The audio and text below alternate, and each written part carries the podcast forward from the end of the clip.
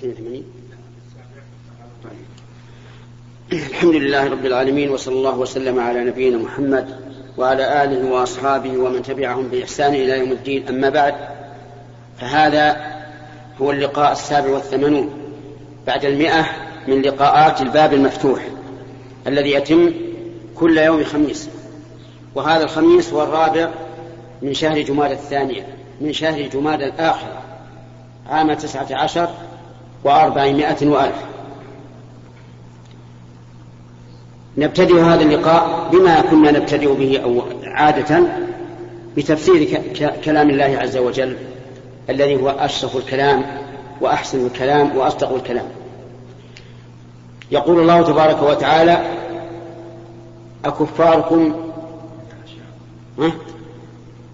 عليه يقول الله تعالى ولقد أهلكنا أشياعكم فهل من مدكر. الخطاب لكفار قريش. وقوله أشياعكم يعني أشباهكم من الكفار السابقين.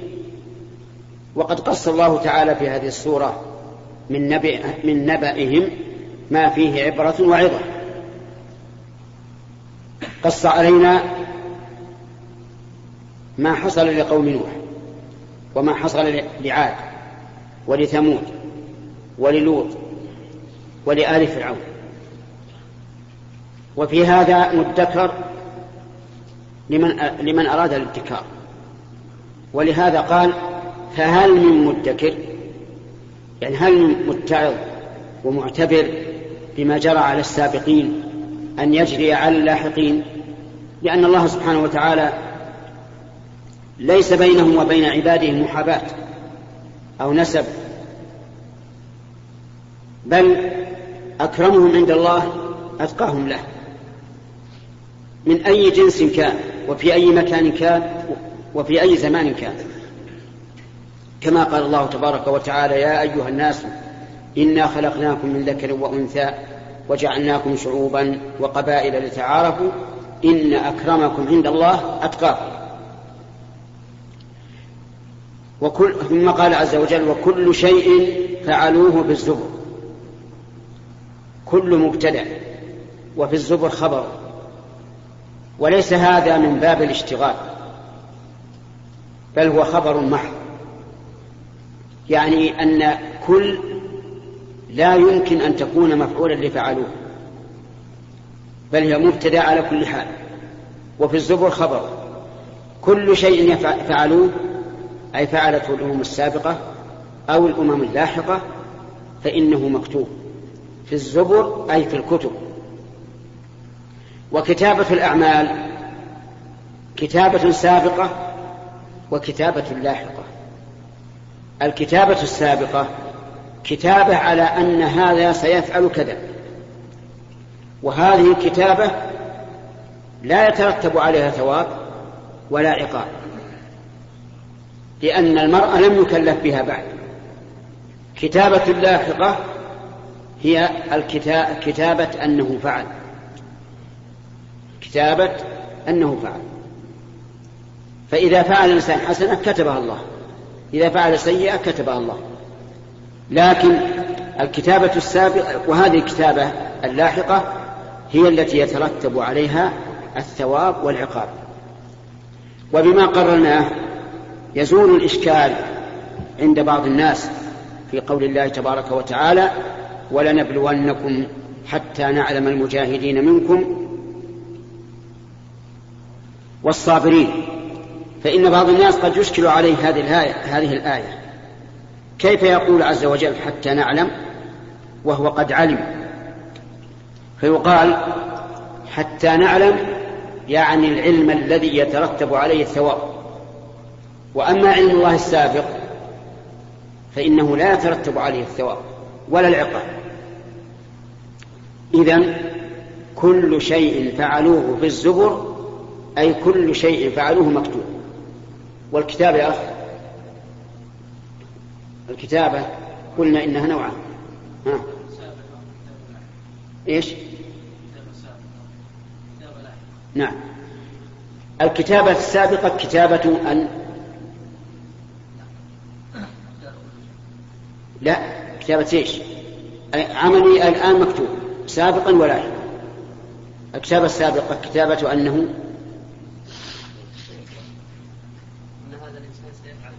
أي أنه سيفعل كذا. والكتابة اللاحقة الأخ عندكم ساعة لا عندكم ساعة اللي دخلتم عندكم ساعة عندكم صوت. نعم. الكتابة اللاحقة. وين أنتم يا أخي؟ كتابة اللاحقة أنه فعل. نعم. كتابة أنه فعل. طيب ما هي الكتابة التي يترتب عليها العقوبة أو الثواب؟ ها, ها؟ السابقة أو اللاحقة اللاحقة نعم. اللاحقة أما الكتابة السابقة فإن الله سبحانه وتعالى كتب في اللوح المحفوظ كل شيء. كما جاء في الحديث الصحيح أن الله لما خلق القلم قال له اكتب. قال ربي وماذا أكتب؟ قال اكتب ما هو كائن إلى يوم القيامة. فجرى في تلك الساعة بما هو كائن إلى يوم القيامة. فما أصاب الإنسان لم يكن ليخطئه وما أخطأه ولم يكن ليصيبه. نؤمن بهذا. قال الله تعالى ألم تعلم أن الله يعلم ما في السماء والأرض؟ إن ذلك في كتاب. إن ذلك على الله يسير. وقال عز وجل ولقد كتبنا في الزبور من بعد الذكر أن الأرض يرثها عبادي الصالحين الكتابة اللاحقة هو أن الله سبحانه وتعالى إذا عمل الإنسان عملا كتب هذا. كل قال الله تعالى كل كلا بل تكذبون بالدين وإن عليكم لحافظين. إيش؟ كراما كاتبين وهذه الكتابة هي التي يترتب عليها الثواب والعقاب. وكل شيء فعلوه في الزبر. المعنى الآية أن كل شيء يفعله الإنسان فإنه مكتوب. كل شيء. فلا تظن أن أنه يضيع عليك شيء. أبدا. ووضع الكتاب كما قال عز وجل ووضع الكتاب فترى المجرمين مشفقين مما فيه ويقولون يا ويلتنا ما لهذا الكتاب لا يغادر صغيرة ولا كبيرة إلا أحصاها. ووجدوا ما عملوا حاضرا سبحان الله. بعد مئات السنين التي لا يعلمها الله يجدونه حاضرا ولا يظلم ربك أحدا. وكل صغير وكبير مستطر كل صغير مما يحدث في هذا الكون من المخلوقات وأوصافها وأعمالها مستطر أي مسطر في الكتاب العزيز اللوح المحفوظ. كل صغير وكبير. حتى الشوكة يشاكها الإنسان تكتب حتى ما يزن مثقال ذرة من الأعمال يكتب كل صغير وكبير. إذا أمنت يا أخي بذلك ويجب عليك أن تؤمن به. فإنه يجب عليك الحذر الحذر من المخالفة. إياك أن تخالف بقولك أو فعلك أو تركك. إياك أن تخالف. لأن كل شيء مكتوب. قال الله عز وجل ما يلفظ من قول إلا لديه رقيب عتيد. وما يفعل من فعل؟ ها كذلك. لأن إذا كانت الأقوال تكتب وهي أكثر بآلاف المرات من الأفعال كم تنطق به من حرف؟ أجب لا يحصى كم تفعل من فعل؟ أقل. لا يحصى لكن قليل بالنسبة للقول. فإذا كانت الأقوال تكتب فالأفعال من باب أولى طيب. عليك أن تتقي الله عز وجل. اتقي ربك. لا تخالف الله. إذا سمعت الله يقول شيئا خبرا فقل آمنت به وصدقت. وإذا سمعت الله يقول شيئا أمرا فقل آمنت به وسمعا وطاعة. نهيا آمنت به وسمعا وطاعة. فاترك المنهي عنه وافعل المأمور به. هذه نصيحة. كل صغير وكبير مستطر الحركات مكتوبة. الحروف حروف الأقوال مكتوبة. كل شيء مكتوب. إن المتقين في جنات ونهر. هذا مقابل قوله إن المجرمين في ضلال وسعر يوم يسحبون في النار على وجوههم. إن المتقين في جنات ونهر. الجنات جمع جنة. وقد ذكر الله تعالى أصنافها في سورة الرحمن أربعة. قلها يا أخ اللي وراء. ارفع يدك. يلا. في سورة الرحمن ذكر أربعة أصناف. ولمن خاف مقام ربه جنتان. ثم قال ومن دونهما كمل ومن دونهما جنتان. فهي إذن أربع التي ذكر الله في في سورة الرحمن. في إذن في جنات يعني في هذه الجنات الأربع. هذه الأصناف لكن أنواعها كثيرة. والجنات نفسرها بأنها شرعا هي دور المتقين. فيها ما لا عين رأت ولا أذن سمعت ولا خطر على قلب بشر. فسر الجنات التي في الآخرة بهذا التفسير. هي التي أعد الله للمتقين. فيها ما لا عين رأت ولا أذن سمعت ولا خطر على قلب بشر لكن عندما تقرأ قول الله تعالى إنا بلوناهم كما بلونا أصحاب الجنة كيف تفسر الجنة؟ بأنها البستان الكثير الأشجار.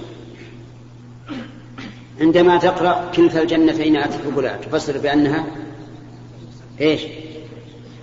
بستان كثير الأشجار. لكن لا تفسر جنة النعيم في الآخرة بهذا التفسير.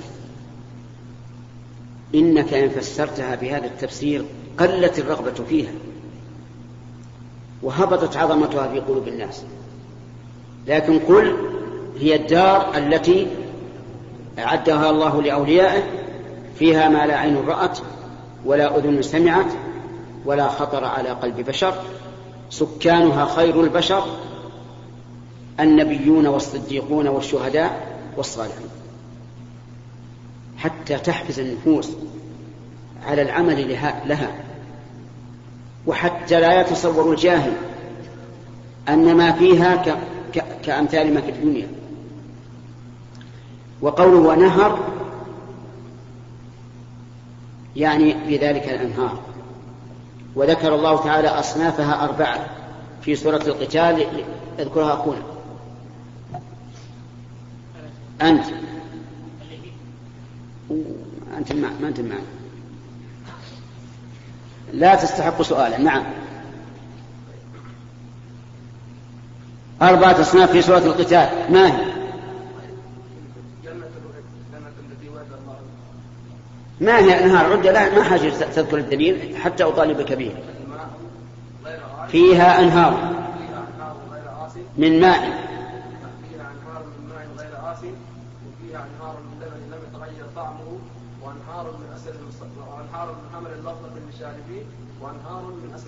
طيب. هذه أربعة أصناف. مثل الجنة التي وعد المتقون أي وصفها. فيها أنهار هذا بيان للوصف. فيها أنهار من ماء غير آس يعني لا يتغير أبدا. لا بتكدر ولا بطعم ولا بلون ولا بريح. وأنهار من لبن لم يتغير طعمه. اللبن في الدنيا إذا تأخر تغير طعمه وفسد وانتقل إلى حموضة لا يطاق وأنهار من خمر لذة للشاربين وليس لذته كلذة خمر الدنيا وليس فيه شيء من عيوب الدنيا. لا يصدعون عنها؟ إيش؟ ولا ينزفون. وأنهار من عسل مصفى. اللهم اجعلنا ممن يشربون منها. أنهار من عسل مصفى. ليس فيه شمع النحل ولا أذاة. مصفى من كل كدر. هذا تفسير لقوله تعالى في جنات إيه؟ ونهر. يأتيك هذا المكان. في مقعد صدق. يا الله مبارك. في مقعد صدق يعني في مقعد ليس فيه كذب لا في الخبر عنه ولا في وصفه كله حق. وعند من؟ عند مليك مقتدر وهو الله جل وعلا. اللهم اجعلنا منه عند مليك مقتدر يتنعمون بلذة النظر إلى الله عز وجل. وهو أنعم ما يكون لأهل الجنة. قال الله تعالى للذين أحسنوا الحسنى وزيادة. الحسنى الجنة والزيادة النظر إلى وجه الله. وقال تعالى وجوه يومئذ ناظرة يعني حسنة بهية. إلى ربها ناظرة. يكسوها الله تعالى نظرا أي حسنا وجمالا وبهاء لتكون مستعدة للنظر إلى الله عز وجل. ثم ينظرون إلى الله فيزدادون حسنا إلى حسنهم. ولهذا إذا رجعوا إلى أهلهم قال لهم أهلهم إنكم ازددتم بعدنا حسنا. بالنظر إلى وجه الله تبارك وتعالى. اللهم إنا نسألك بأسمائك الحسنى وصفاتك العليا أن تجعلنا من هؤلاء بمنك وكرمك إنك على كل شيء قدير. وإلى الأسئلة ونبدأ بالضيوف ومن الجانب الأيمن.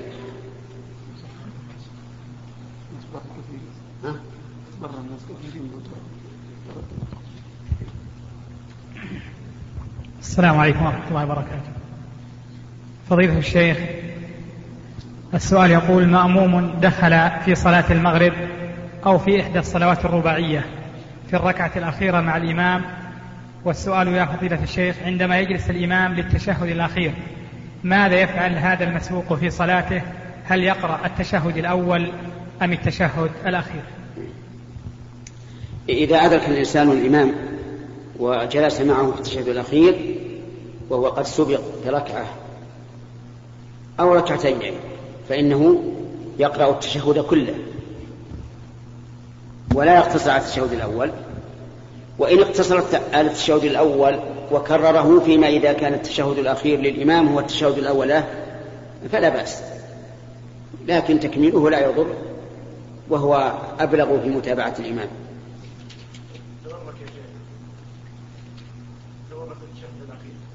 نعم. هو أما التورك لا يتورك التورك هو يسأل عن التشهد.